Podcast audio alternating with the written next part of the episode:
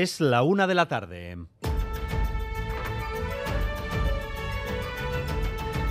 Crónica de Euskadi con Dani Álvarez. A Rachaldeón.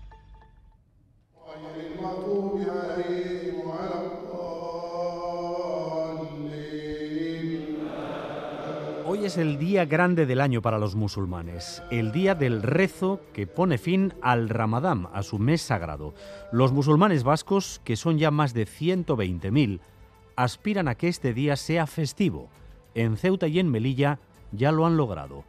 Este año es el segundo año en que es día de fiesta en esas dos ciudades. Estamos en un país en que todavía está desconocido ese tipo de fiestas y tampoco tenemos un día libre en que podemos por lo menos festejarlo tranquilamente. Pero bueno, estamos con nuestra lucha día a día a ver si conseguimos por lo menos que sea un día festivo en que la gente por lo menos lo puede festejar con tranquilidad. Las imágenes en Bilbao, Vitoria o Tudela son de rezos masivos mirando a la Meca. Natalia Díaz. Sí, más de 120.000 musulmanes dicen adiós a 29 días de ayuno y lo hacen en todo el mundo con rezos multitudinarios como los que han reunido a miles de fieles en Mendizabala, en el campo de fútbol de Tudela o en el Bilbao Arena. Es el principio de su gran fiesta del año que luego celebran desayunando, reuniéndose en familias con sus mejores galas y comidas y de donde tampoco faltan los regalos. Lo más parecido nos contaban a la Navidad cristiana, una fiesta que puede alargarse hasta tres días. Se come todo, todo, de comida típico de musulmanes. Autokontrola lantzen dugu. Nire amak ematen dit bost euro edo amar euro edo regalo bat. Los vuestros con alcohol, nuestros sin alcohol. Eso es. Además, el Lendakari critica a Euskal Herria Bildu por apoyar la ley de vivienda en el Congreso. Les acusa de priorizar a España antes que a Euskadi. El Carrequín y EH Bildu replican.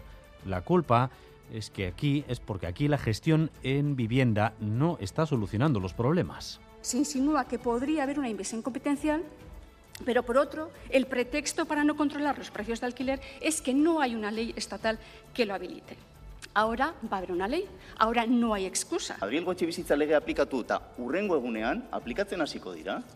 Eta hemen itxarroten ari gara, ridiculizatzen dugu. Nunca se me habría pasado por la cabeza que EH Bildu fuera un apoyo indispensable en España para priorizar el efecto en España antes que en Euskadi. Porque esto es así y no pasa nada por admitirlo. Después de la abstención del PNV ayer, habrá que ver si el PNV entra en una negociación o incluye, intenta incluir alguna enmienda en esa ley. Los partidos intentan cerrar las listas para el 28M. Se proclaman a principios de mayo y todos ellos, no solo los partidos pequeños, también los de mayor implantación, tienen serios problemas para completar las listas. Desafección hacia la política, exigencia, sobre todo en los pueblos donde los cargos pesan las 24 horas del día, y el sueldo. Nadie se mete a concejal por dinero, porque lo cierto es que no está bien pagado. Irache Ruiz. En la mayoría de nuestros municipios no vive de la política ni el alcalde del pueblo. En los más pequeños y según los parámetros establecidos por Eudel, el alcalde cobra 240 euros por pleno y los concejales algo menos de 40 y no se suele celebrar más de un pleno al mes. El plus lo aporta la satisfacción de servir al pueblo. Miquel Serrano, alcalde de Zumárraga. Ha habido grupos eh, políticos principalmente ¿no? que han denunciado el hecho de que la política tendría que ser musutruc, pero de manera altruista no le puedes dedicar disponibilidad total Quizá por eso cada vez nos impliquemos menos en política. El consejero de Seguridad confirma esta mañana lo que Radio Euskadi les adelantó ayer a esta hora, los extremos del crimen de Irún. Recalde mató a Ábrego por desavenencias y luego se suicidó. Laida Basurto. La información recabada por la Policía Científica y los informes de los médicos forenses confirman la hipótesis. Josu Recalde, de 53 años, cogió una escopeta, mató a su socio Ignacio Abrego y después se quitó la vida. El consejero no ha detallado las razones de esta última disputa, pero confirma que eran socios y los vecinos de la zona no esconden las desavenencias que tenían por las tierras y por los negocios que ambos compartían.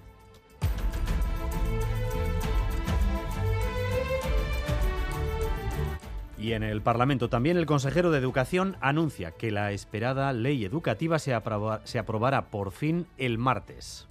Prozesua amaitzen ari gara.